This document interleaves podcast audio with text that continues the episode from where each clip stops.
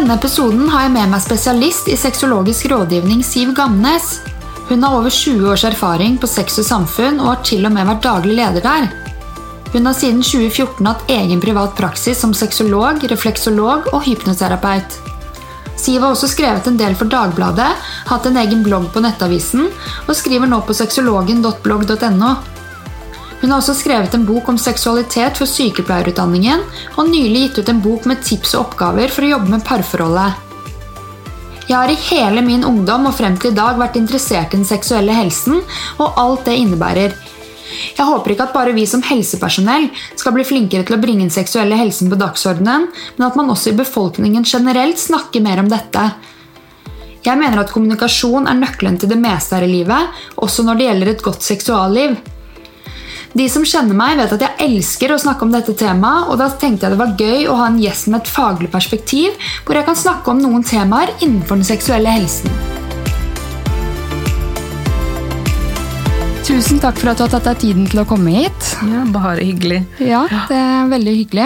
Eh, men da tenker jeg vil egentlig høre eh, hva som gjorde at du eh, valgte å gå den retningen og bli sexologisk rådgiver.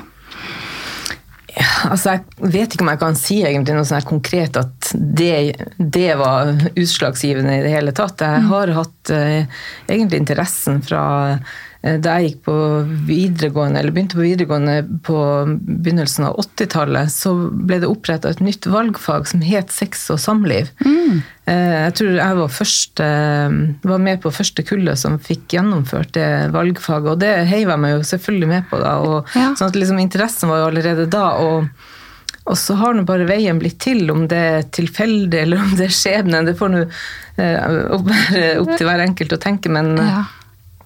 Jeg, jeg, det har bare blitt sånn. Ja. ja.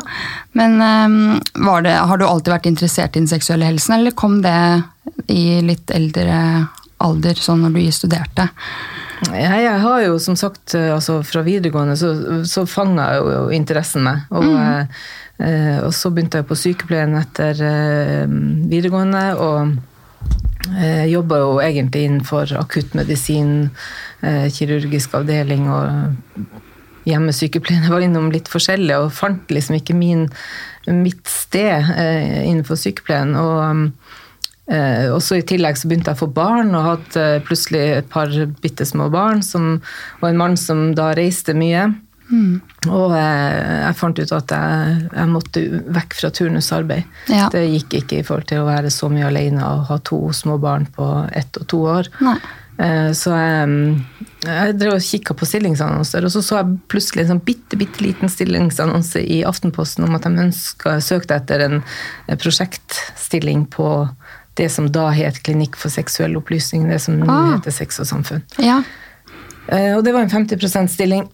og ja, jeg søkte nå fordi at det var på egentlig utgangspunktet var at det var dagstilling, men samtidig så var jo faget også veldig interessant. da. Mm.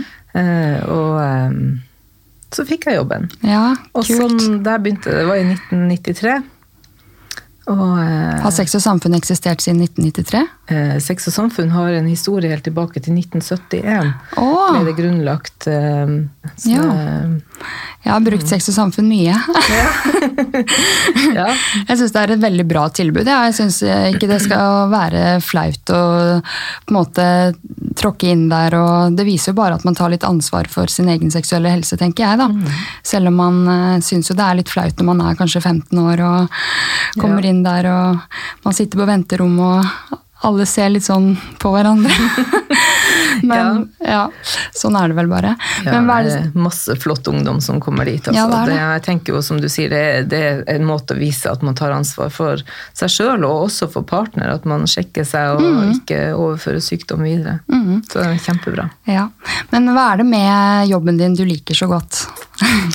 Ja, altså, det var jo jobben min på eh, ja, Sex og samfunn, eh, eller Klinikk for seksuell opplysning, var jo eh, eh, veldig annerledes enn det jeg har i dag, egentlig. Mm. Eh, der jobber jeg jo utelukkende med ungdom, og bare det å jobbe med ungdom er jo en drivkraft i seg sjøl, ja. med mye energi. Mm. Eh, og vi har så mye flott ungdom, så, så det var jo en gave å kunne jobbe med det. Mm. Eh, Men etter å ha jobba med det i eh, ja, noen og 20 år, så, så fant jeg tida riktig å, eh, å gjøre noe for meg sjøl. Det var jo det jeg tok se- sexologiutdanninga var jo egentlig for å starte for meg sjøl. Ja. Og eh, det, jeg var jo ferdig i 2003, eh, men endte jo da heller opp som leder på Sex og Samfunn i ti år, før jeg da innså at det, det var drømmen om å starte for meg sjøl som var sterk. Og den måtte jeg bare prøve å få gjennomført. ja. Det er ikke så mange av dere som har egen eh, Nei, det er ikke så mange som lever utelukkende av eh, privat praksis, det er det ikke. Eh, Og og det er det er jo en øvelse i seg sjøl å, å gjøre det. Men jeg syns jo det er spennende. Så, og det jeg gjør i dag, er jo eh, Altså, jeg elsker egentlig jobben min. Jeg har det kjempefint på jobb. så bra. Har eh, ja, par og enkeltpersoner som er da ikke bare ungdom, men eh, helt opp til mm, noen og 80 år. veldig Oi. eldste som har vært hos meg. Og eh, det er, jeg syns det er kjempekoselig og flott å kunne jobbe med mennesker. Ja, men eh, du har en veldig kul jobb. Jeg håper at jeg en dag kan eh, klare å bli sexologisk rådgiver, men veien er jo ikke så enkel i dag eh, eh, som det kanskje var før, da. Em, de krever litt eh, mer kanskje i dag eh, med høyere karakterer og ja, erfaring og, for å komme inn i Agder. Så det, den veien blir nok litt eh, lang, men ja, Jeg gikk jo på første kullet i Agder. ja. Det var da du starta opp der. Så fra 2001 til 2003 var jeg student der. Um, og vi, jeg var jo da i, eh, yngst på kullet, så vi var godt, godt voksne mennesker som gikk der, og tverrfaglig og kjempespennende. Eh, og ja, det er høye krav, men jeg tenker også at eh, man jobber jo med Man skal jobbe med mennesker på det mest eh, intime, det mest sårbare Ja. området i livet. Og jeg tenker jo at det, eh, det er kanskje ikke gitt for hvem som helst å, å kunne gjøre det. Så Nei, det å ha erfaring i, i bakgrunnen eh, Da hadde jeg jo allerede ti år ved klinikken. og Mm. og det å også ha en faglig grunnstamme der som gjør at du på en måte kan forvalte det du lærer på studiet, tror jeg er kjempeviktig. Mm. Men hva er sånne typiske problemstillinger du møter på i jobben din? Altså det, det jeg tenker som er, er de fleste sliter med, er jo sexlyst av en eller annen årsak. Eh, sånn at eh, sexlyst er vel kanskje nummer én. Eh, men så kan man jo begynne å nøste i det. Hvorfor har man nedsatt sexlyst? La oss gå i dybden på det. Nei, for jeg har hørt med noen, eh, Hva er det dere kunne likt å høre på i denne episoden når jeg skal ha deg som gjest? da? Eh, og jeg selv er jo veldig opptatt av å eh, er nysgjerrig på hvorfor det er sånn at eh, noen har veldig lyst, og så mister man lyst, og så kan den komme tilbake. Eh, og noen bare virker veldig aseksuelle.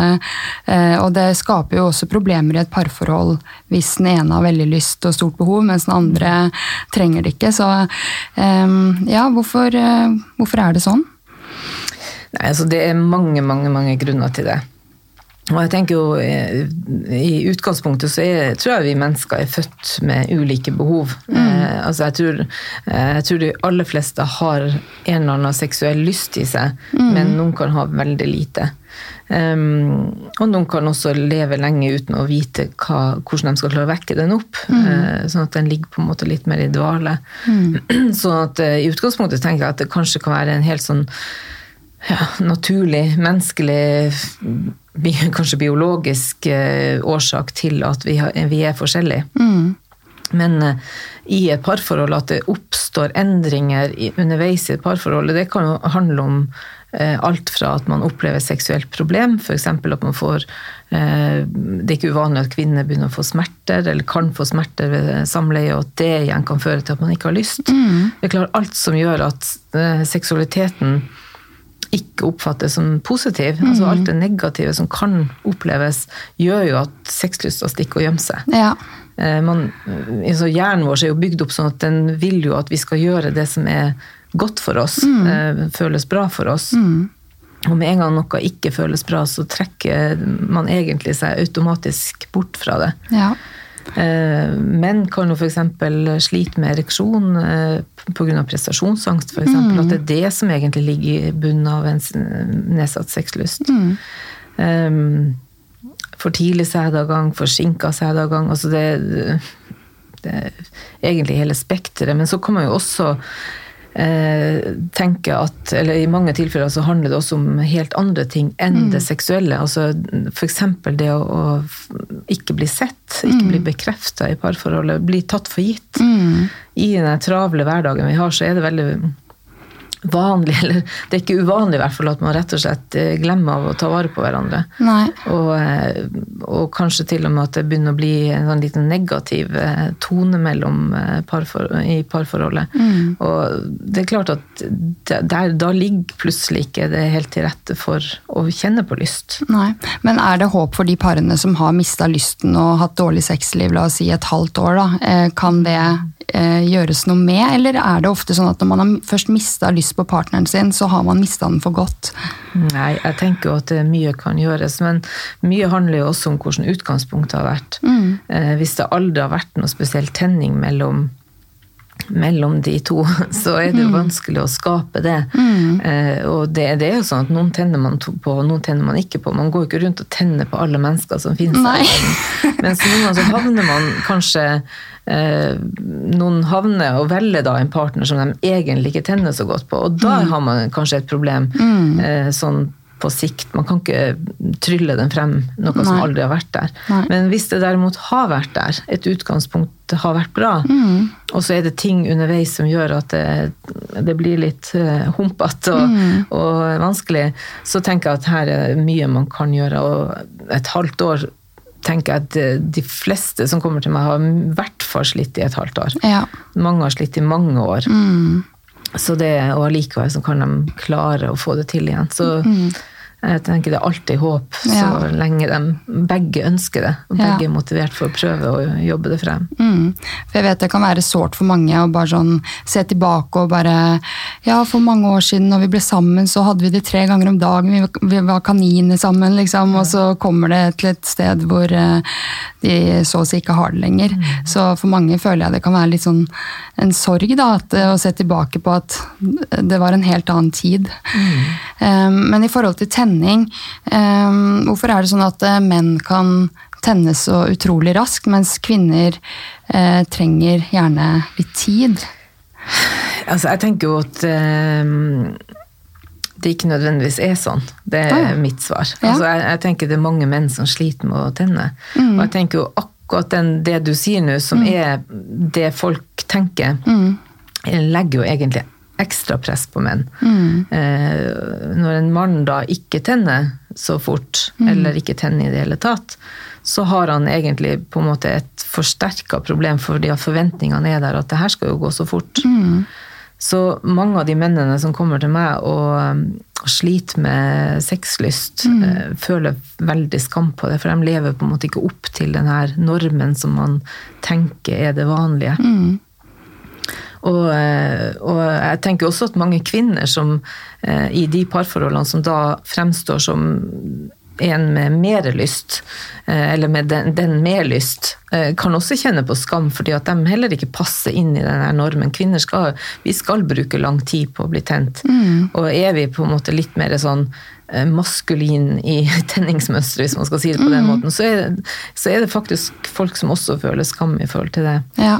Det blir vanskelig å ikke passe inn i normen. Mm. Nei, Det var ikke meningen at det skulle være sånn svart-hvitt, at eh, kvinner Nei. bruker lang tid og menn bruker kort tid. Men eh, når det først eh, oppstår, så føler jeg at det, eh, det kan skje på få sekunder. Eh, de kan eh, ligge fra å se på TV til at Og nå snakker jeg ikke bare av egen erfaring, altså nå bare, jeg snakker jo ofte med venner om dette her. Men at de kan liksom bli tent på ti sekunder, da. Mens eh, vi damer, jeg føler det starter på morgenen. eh, hvis vi får en kaffe på senga, eh, komplimenter utover dagen, så bygger det seg opp en lyst over tid. Mens, eh, ja. Altså, jeg, tenker jo at sånn eh, Generelt så er nok eh, kvinner altså hvis man, hvis man tenker tilbake igjen til urmennesket, da, så var jo vi kvinner avhengige av å ha menn som eh, tok vare på oss. Eh, fordi at det var det vi Det var han som på en måte kunne skaffe maten og, eh, og eh, passe på oss og fø opp de her barna. og Hadde eh, ja, Hvis han da i tillegg var på en måte en fyrig fyr, så, så viste han jo gode gener. altså Med det så er det, hva, kunne han da videreføre gode gener. Så sånn sett, sånn urmessig, så tenker jeg jo at det passer veldig godt at menn er på en måte den her eh, maskuline, rasktennende øh, seksuelle person, mens kvinner vi er mye mer sånn at vi må ha omsorg og føle oss ivaretatt og Ja. alt det her. Eh, Så kanskje ligger det der fremdeles i oss eh, som en nedarva egenskap fra, fra urtiden. Men, men eh, når man jobber med det her, så ser man jo at det er så mye mer ja, falsetter i det, i det, store bildet at det, eh, for meg blir det vanskelig å tenke sånn sort-hvitt. Ja. at det- For Det er jo ikke sort-hvitt. Nei, det er ikke sort-hvitt. Og det er veldig mange kvinner som kan tenne på sekundet, som du sier. Og, Ja. eh, ja, og jeg tenker jo at det, det viktigste her er jo egentlig at, uh, at paret finner ut hvordan skal de forvalte sin seksualitet sammen. Altså det, et parforhold, hvis man skal snakke om det, da, er jo at eh, altså man har eh, hver av dem har jo sin egen seksualitet som de sjøl må ivareta. Eh, men i tillegg så har man en felles seksualitet som Ja. man skal dele. Ja. Og den er jo også begge Man er avhengig av at begge ivaretar den, at man begge er hva jeg skal si, imøtekommende, at man ser den andre sine behov, ser også den andre sine ikke-behov, sånn at mm. så man ikke liksom legger noe press. Eh, Så det er jo jobb ja. Så Det er jo ikke sånn at eh, Du snakka i sted om den her forelskelsesfasen, som er for de fleste helt fantastisk. Det er klart ting går helt automatisk fordi Ja. man er så proppfull av forelskelseshormoner at man, man trenger på en måte ikke trenger ikke noe tenning. Og Nei. så daler denne forelskelsen, eh, går over i en litt annen fase, og da trenger man jo noen triggere som kan få i gang en tenning. Og det er jo det også å være obs på det å finne ut hva er mine triggere. Det har man jo ansvar for sjøl, ikke partner som på en måte skal ta det ansvaret, egentlig. Nei, men kommunikasjon er jo sikkert veldig viktig i dette parforholdet her. Um, for at man skal vite hva den andre liker. Og, men en ting jeg uh, lurer på, da, Um, i forhold til orgasme eh, for, jeg, for det første syns jeg det er litt dumt eh, at folk kan fake orgasme. Hva syns du om det som sexologisk rådgiver? Eh, for jeg føler det kan hemme litt hvor bra det egentlig kunne blitt. Eh, og at det, setter en sånn urealistisk oppfatning hos menn, da. Eh, de tror det bare er sånn, sånn, sånn, og så ja. Ja. Altså, for de aller fleste så er jo orgasme det her liksom ultimate punktumet for eh, den seksuelle aktiviteten. Så det å få en orgasme er på en måte en slags bekreftelse på at denne sexen har vært god. Mm. Det som skjer da når man faker orgasme, det er at man egentlig sånn indirekte så forteller man partneren at det du gjorde nå, det funka. Og eh, selvfølgelig så er partner den er ute etter å, å gjøre det best mulig hver gang, så den vil jo da gjøre det samme som, Han gjorde som det ble gjort sist. ja.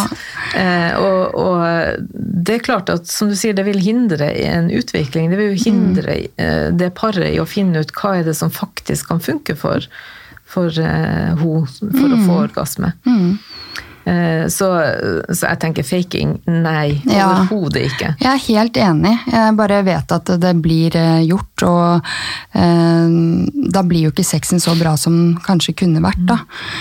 Eh, men er det sånn at eh, alle kan få orgasme, eller er det noen som ikke kan få det? Der, der kan ikke jeg være kategorisk og si verken ja eller nei. Eh, Men eh, jeg tenker jo at i utgangspunktet, så, så sant man ikke er født uten, altså mangler man eh, kjønnsorgan eller mangler klitoris f.eks., eksempel at man er på en måte født med en, en mangel, da, eh, så tenker jeg at i utgangspunktet så burde ting kunne ligge til rette for at alle skal kunne få orgasme. Mm. Men det er jo folk som lever gjennom et helt liv og aldri får orgasme. Og, og det er folk som faker orgasme, dessverre, gjennom et eh, langt liv. Ja. Uh, Og det, det er kjempesynd, men i utgangspunktet så tenker jeg at eh, jo, de fleste vil kunne få orgasme. Det er jeg ganske overbevist om. Ja, men Det er bra å høre. men i forhold til par, jeg har alltid vært veldig interessert i eh, Ikke at det skal skje med meg, nå har jeg jo min bagasje, på en måte, men eh, utroskap syns jeg er et veldig aktuelt eh, tema. Og lurer på Det er kanskje et veldig åpent spørsmål, men hvorfor skjer det? Mm. Det tenker jeg er så mange grunner til at det blir langt å, å gå inn på alt. Men, men eh, altså det handler jo eh, Jeg tenker jo at man kanskje kan sette det litt inn i kanskje noen grupper. Man handler om, om om de som går ut og er utro for å få bekreftelse sjøl. Mm. De trenger den her bekreftelsen, eller de er drevet av den her forelskelse, den her sant, den drivkraften som ligger i forelskelse med den sexen man da har, er jo fantastisk. Mm. Og for mange så blir det på en måte Når den forsvinner, så blir det et sånt tomrom der som de prøver å fylle ved å være på, eh, på jakt hele mm. tida. Eh, men så har man jo også dem der, som der eh, på en måte man forsømmer parforholdet, som jeg pleier å si. Eh, der man ikke tar vare på hverandre. Som på en måte gjør at Ikke fordi at man egentlig ønsker sjøl å gå ut, men man men ting blir på en måte bare sånn at man ender med å gjøre kanskje et feil valg i, en, mm. i en, gitt situasjon. Mm. Uh, uten at det er gjennomtenkt, uten at det egentlig kanskje er ønska engang. Det bare blir sånn. Mm. Uh, og så kan man si at det er jo mye man, det er mye man kan si om det, mm. men jeg tenker at noen ganger så kan det faktisk være forståelig at det, at det kan skje. Ja.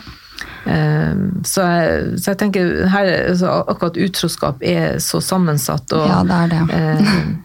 Det, det, er vanskelig å si noe, men eh, og, og, jeg tenker også at det er mulig, ut, litt ut ifra hva som er, bakgrunnen for ut, utroskap, så er det mulig å få ting på beina igjen. Men, men eh, det er hardt arbeid. Altså det, det, er ikke noe tvil om det at de sliter, de parene som har mm. opplevd det, og som allikevel ønsker å prøve å fortsette sammen. Mm.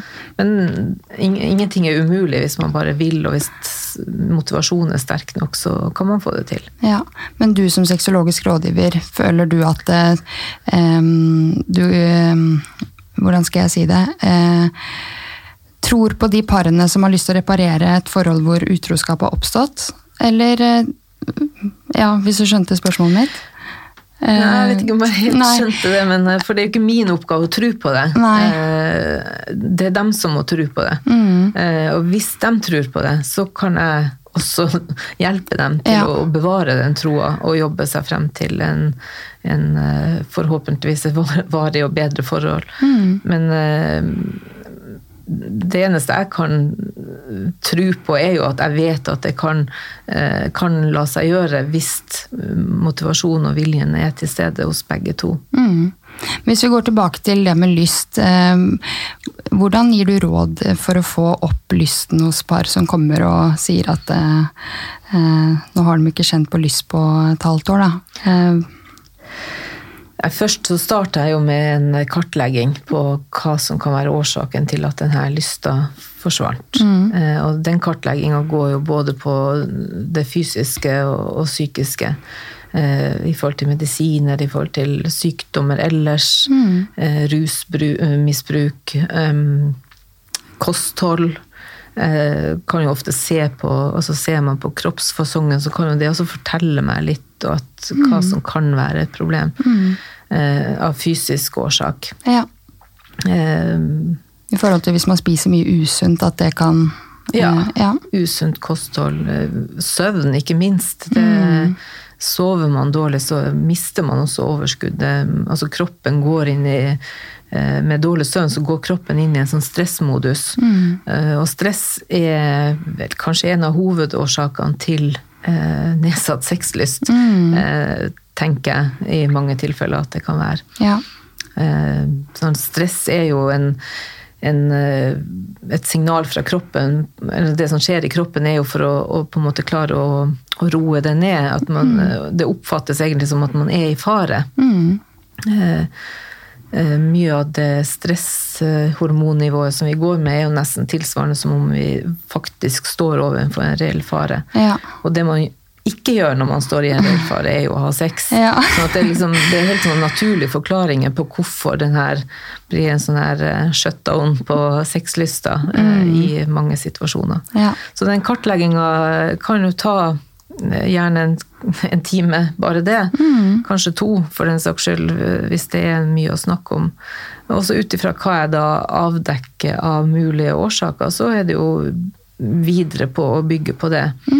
Eh, da er det jo enten samtaleterapi, som jeg har drevet med lengst i mitt liv, eh, men så har jeg jo også mm, tilbud om eh, behandling via hypnose eller refleksolog. ja, Kan du forklare litt hva det er? For det var veldig nytt for meg.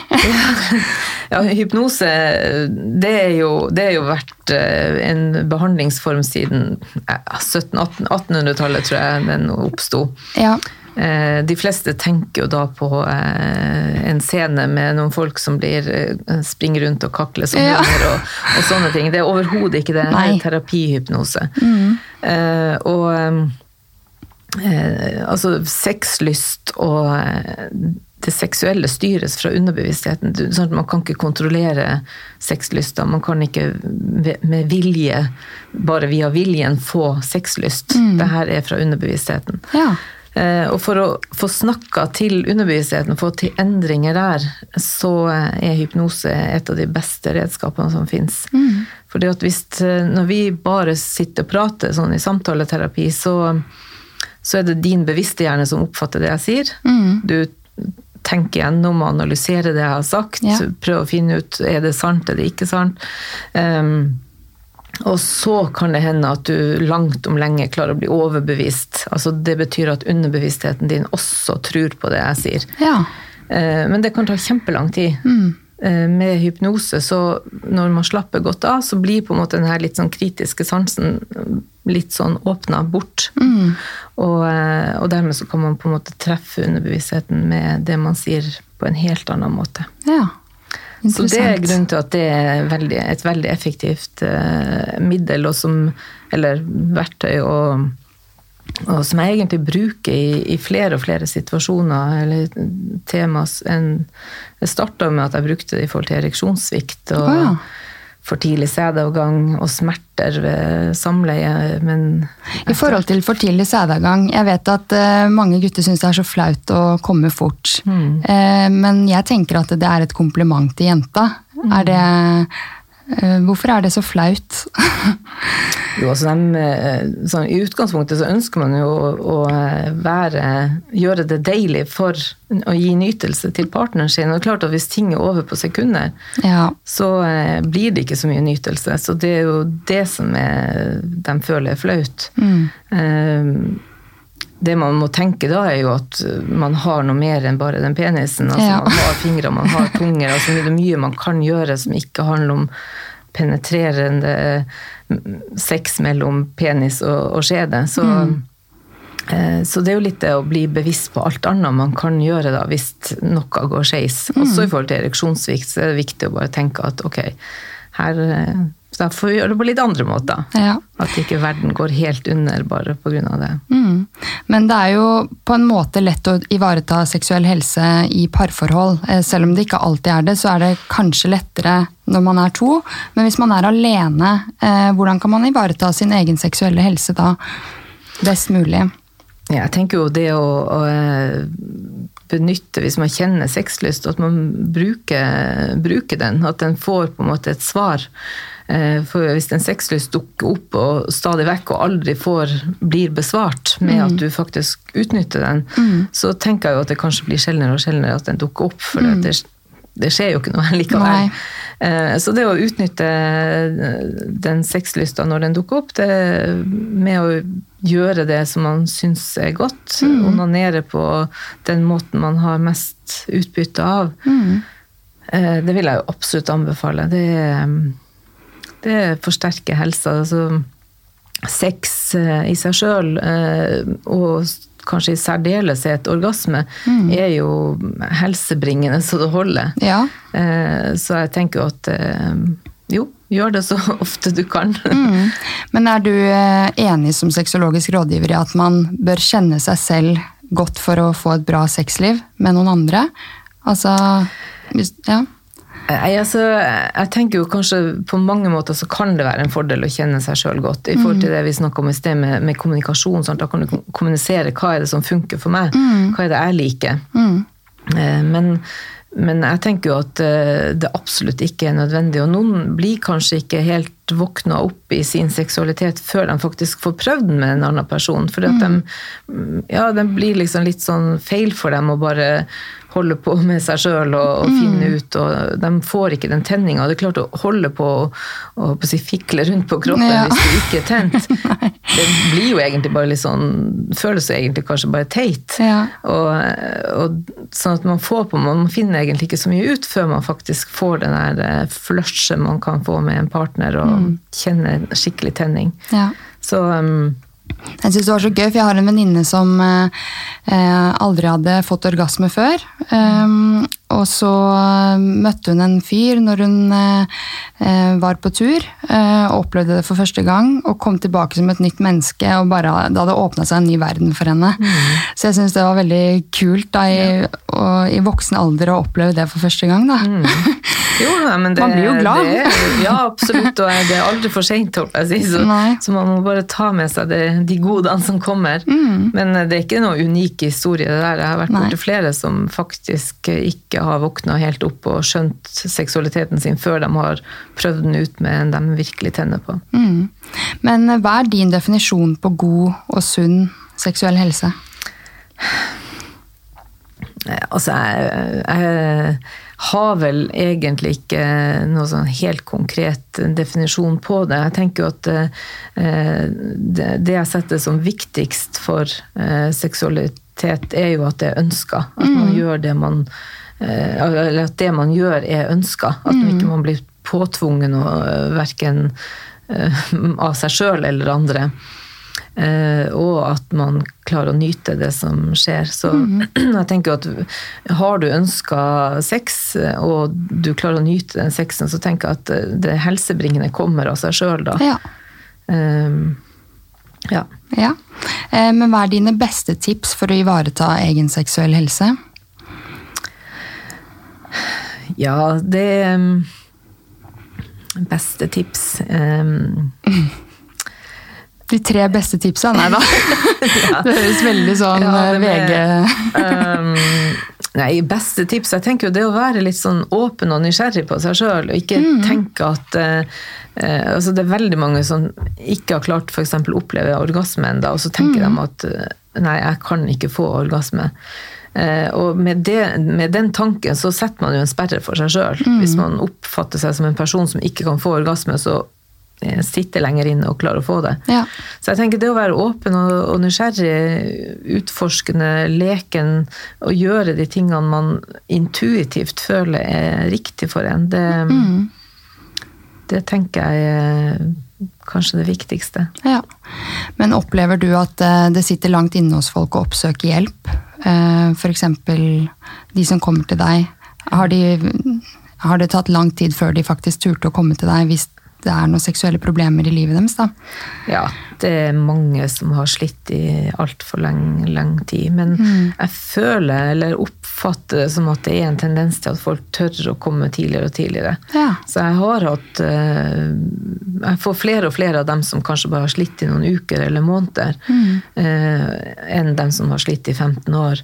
Så jeg, eh, jeg syns det er en positiv utvikling. For jeg tenker at jo fortere Det er jo som med alt annet. Jo fortere du prøver å fikse et problem, jo Ja. lettere er det egentlig å fikse. Så um, ja, jeg håper jo at folk at, det, at den endringa er reell, og at det, at det bare blir bedre og bedre i forhold til akkurat de tingene. Mm. Jeg håper at det blir enda mer åpenhet rundt seksuell helse. Nå er jo du også sykepleier i bunn, og jeg er sykepleier.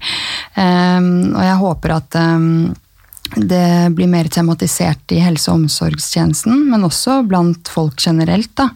Eh, og at eh, folk tør å oppsøke hjelp, eh, komme til en sexologisk rådgiver hvis, hvis de har problemer, og at vi i helsetjenesten skal tørre å ta opp temaet. Mm. hvordan ja, Hvordan kan man ta opp dette temaet og være mer åpen, tenker du?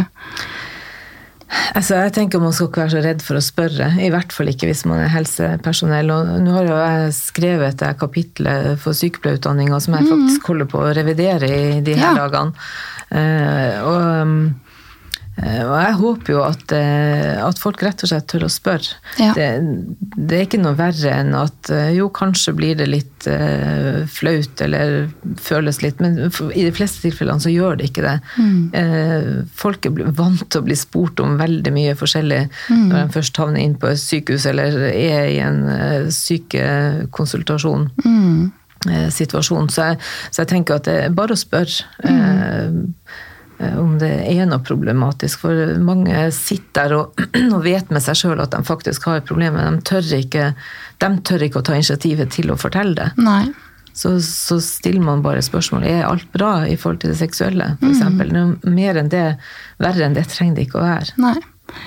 Nei, absolutt. Men eh, på sykepleierutdannelsen så syns jeg det var litt lite fokus på eh, seksuell helse. Mm. Eh, hva heter boka di, forresten?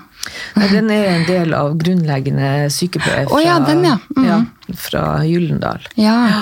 Så um, der er et kapittel som uh, Ja, det, det har jo eksistert nå. Det ble jo skrevet første gang i 2004. Ja. eh, Og så har det vært revidert en del ganger. Så, um, eh, så før det så tror jeg ikke det var noe som helst eh, som handla om seksualitet innenfor helsevesenet. Og legestudiet er det jo fremdeles lite på. ja. Eh, Men de har jo ikke et eget fag om kommunikasjon engang. Det har jo sykepleierne. Ja, så man sant. merker jo litt forskjell der også Ja. noen ganger. Ja, absolutt. Men eh, nei, for jeg tenker eh, vi må jo ha en del om det på studiet for å tørre å kunne ta det opp med pasienter. Eh, For hvis man ikke har noe kompetanse, så blir man jo ikke trygg i rollen som å eh, som bringer temaet på banen heller, Mm. på en måte. Nei da, og det er klart at stiller du et spørsmål, så, så er det jo liksom der å kunne ta imot det svaret. Eh, og- så, og det er vel kanskje mange, mye det man som hindrer en i å spørre, at man rett og slett er usikker på hva sier jeg da, hvis det, plutselig denne pasienten kommer med en eller annen ja, en eller annen forferdelig historie da, for eksempel, om overgrep. Hvordan tar jeg imot det? Mm. Og tørre å sitte i det. For det, det er klart at det kan være veldig tøft å sitte og høre andre fortelle om sine overgrep. Eh, eh, Så, så det å på en måte ha en viss ballast i eh, bakhånden til å, å føle at man Ok, jeg kan spørre, og jeg klarer å ta imot det som måtte komme, mm. det tror jeg er kjempeviktig. Absolutt. Men jeg tenker jo også at det, det som eh, hadde vært enda bedre, hadde jo kanskje vært å innarbeide seksologifaget sexolog, sexologifaget i, i helsevesenet. At det hadde blitt stillinger og, og vært flere Ja, flere stillinger. Mm. For jeg får ofte spørsmål eh, i og med at jeg tar eh, denne utdannelsen nå. Um, Sexologi og funksjonshemming. Eh, men Tina, er det noen stillinger der ute når du er ferdig med dette her? Mm. Så blir jeg litt sånn Ja, er det egentlig det? Men uh, Mm. Ja, så de, de bør absolutt åpne opp for flere stillinger. for vi har jo behov for dere. Eh, og når man gjør et søk på nettet, det er jo derfor jeg ville ha deg her i dag. Jeg har jo visst hvem du har vært i mange år. Eh, Men det er liksom deg og et par andre navn som kommer opp hver gang jeg søker på sexologisk rådgiver Oslo, da, for eksempel. Eh, Så det er jo ikke mange av dere. Men eh, Nei, vi blir jo, så hvert, Annethvert år så blir det jo stadig Ja. flere eh, som er ferdig med studiet i Agder, og, eh, og det er veldig bra. Eh, men jeg er helt enig i det. Og, eh, altså, I og med at man ikke har noe refusjonsordning, det er ikke noen støtteordninger til å, å oppsøke oss, så er det klart at det er mange som ikke har råd til å komme til oss. Eh, For at man skal kunne ja, betale husleie og alt som følger med å ha en privat praksis, så, så må jo prisene være på et visst nivå for å klare det. Eh, og det er, det er veldig mange som ikke klarer det. Og derfor så er vi ikke så mange som klarer å holde på på fulltid. Nei, men det er jo som du sier, det bør jo ikke være lett heller å komme inn. Fordi vi jobber med, eller dere jobber med, det mest intime og sårbare hos menneskene. Så mm, jeg, jeg er glad det stilles høye krav. Um, så man får bare jobbe hardt hvis man vil inn på den utdannelsen. Ja, nei, det, det er jeg helt enig i. Det, Ja. men, eh, men det å få utvikla flere stillinger i det offentlige helsevesenet. Det hadde vært ønsket. Altså, det begynner jo å komme noen. Eh, Akershus har jo ansatt en sexolog i full stilling. Eh, Radiumhospitalet har eh, sexologtilbud. Mm. Ja, litt sånn rundt omkring er det sånn sporadisk, men det er veldig tilfeldig, og det er veldig opp til helseforetaket og hva de får til. Mm. Så jeg tenker jo det å å fått det mer inn i eh, en fast ordning, at det ble faste stillinger, og kanskje også en refusjonsordning, sånn at eh, man faktisk kunne klare seg å leve av å ha en privat praksis. Mm. Eller flere kunne leve av det. Mm. Hadde absolutt vært en fordel. Ja. Er du glad du starta for deg selv? Ja, eh, jeg er absolutt det. Altså, jeg gleder meg til hver dag på jobb, og jeg har eh, Ja, som jeg sa, jeg elsker jobben min. Mm. Jeg har eh, virkelig glede av å hjelpe dem jeg hjelper. Mm. På den andre sida så er det veldig usikkert. Altså, mm. Og den usikkerheten, økonomisk, da. Mm. Og den økonomiske usikkerheten, den, den syns jeg er slitsom. Det må jeg skal være ærlig på. At det, det å jeg har jo som alltid jobba i det offentlige helsevesenet og ja. vært vant til å få denne lønningsposen si, ja. en gang i måneden uansett hva jeg gjør på jobb. Mm. Eh, mens nå så er det opp til hvor mange som kommer? Det er opp til hvor mange som kommer, og jeg jobber jo masse og, eh, for å få det her til å gå rundt. Så, ja. så det er klart at det, det er både og, men sånn, så lenge vektskåla er mest på det positive, så, ja. så blir det noe å fortsette. Ja. Mm. Du er heldig, syns jeg. Ja, jeg er det. Absolutt. Ja. er det noe du har lyst til å si på slutten før jeg går over til de faste spørsmålene? Når det kommer til hvordan man best mulig kan ta vare på sin seksuelle helse. Nå har du kommet med mange gode råd, da. Jeg. jeg. håper jo at det har vært noen gode råd innimellom her. Og det eneste jeg kan oppfordre folk, er jo å ta kontakt med, med fagpersonen hvis de sliter med et eller annet, og ikke mm. gå med det for lenge. For det, det er mye, mye lettere å hjelpe når ting er ferskt, enn, ja. enn når det har satt seg langt inn i mm. mønsteret. Mm. Absolutt. Man lever bare én gang. Ja. Grip sjansen til å få hjelp. det er helt sant. ja. Ja. Er du klar for litt uh, faste spørsmål? Ja, jeg får prøve på det. uh, hva er dine beste tips for å starte uken best mulig? Ja, uh, den tenkte jeg veldig lenge på. Eh, altså, jeg, jeg, har ikke noe stor rutine på hvordan jeg starter uka, men, eh, men altså, jeg tror det hele kommer av at jeg er i den heldige situasjonen at jeg har en jobb jeg elsker å gå til. Mm. Så bare det å, å, se for meg uka, eh, tenke gjennom alt det, alt det morsomme jeg skal gjøre, mm. Eh, er for meg en god start på uka. Ja. ja. Det var bra Fokusere svar. på det positive som ja. er der. Nei, jeg også drømmer om en jobb eh, etter mammapermisjon hvor jeg skal glede meg hver eneste dag. Mm. Så jeg syns det er veldig inspirerende med de som har en jobb hvor de kan glede seg hver dag, da. Mm. Ja, det er et privilegium. Det er det absolutt. Man hører så mye om eh, steder som ikke er bra, og folk som ikke trives på jobb, så mm. ja. Jeg syns det er kult at du har en jobb du elsker. Ja, ja. har det. Eh, hvordan finner du inspirasjon eller motivasjon til å snu en dårlig dag om til en god dag? Det blir vel litt av det samme, egentlig. At jeg, mm. jeg har eh, jeg har en god evne eh, til å fokusere på det positive. Mm om jeg skal si det sjøl, så er jeg flink til det. Eh, sånn for meg er det Det er klart jeg kan ha dager som det meste går dårlig, og at jeg føler, jeg føler meg litt nedpå og sånn, men stort sett så, eh, så, er det liksom bare å tenke på alt det positive jeg har i livet mitt, mm. Eh, og så snur det, snur det ganske fort. Ja. ja. Da er det vel kanskje litt samme svar på neste spørsmål. Da. Hva er du takknemlig for? Den gode jobben din? Ja, det blir jo kjedelig svar, det her. Nei. Samme svarene. Men altså, jeg har eh, altså, jeg, jeg, tror jo det kanskje er en ting som eh, kan være en sånn liten eh, oppfordring til alle, Å bare tenke gjennom alt man kan være takknemlig for i mm. livet. Altså, jeg har fire friske barn, jeg har en herlig bikkje, mm. jeg har en jobb jeg elsker, som jeg har mm. sagt, og jeg har en samboer. Altså alt i livet mitt. Altså, jeg har så mye godt i livet mitt, og det å mm. være takknemlig for det, det man tross alt har, selv om man eventuelt da har en litt kjedelig dag eller ting går litt skeis, det tror jeg er kjempeviktig. Mm. Mm. Bra. Eh, Jeg syns jo du er veldig inspirerende, men hva inspirerer deg? Jeg tror jeg er, jeg er født nysgjerrig. Og det, å, det som inspirerer meg, er å finne ut av ting. Og det å sette meg inn i ting, lære nytt. Og det er jo kanskje også en av grunnene til at jeg sitter her og er oppe i 50-årene og fremdeles går på skole og tar eksamen og lærer meg ting. Jeg blir på en måte aldri ferdig utlært. Så det syns jeg kanskje er det mest inspirerende, er å lære nytt og treffe folk som kan på en måte lære meg noe. Ja, Bra. Du, Tusen hjertelig takk for at du tok deg tiden til å komme hit i dag. Ja. Jeg syns det var en skikkelig god episode, og jeg håper at lytterne blir inspirert til å ta vare på sin seksuelle helse. Det håper jeg, og tusen takk for at jeg fikk komme. Bare hyggelig.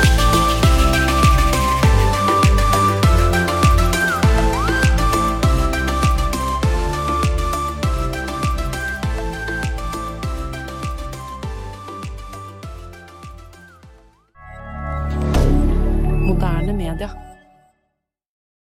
Har du et enkeltpersonforetak eller en liten bedrift? Da er du sikkert lei av å høre meg snakke om hvor enkelt det er med kvitteringer og bilag i fiken, så vi eh, gir oss her, vi. Fordi vi liker enkelt.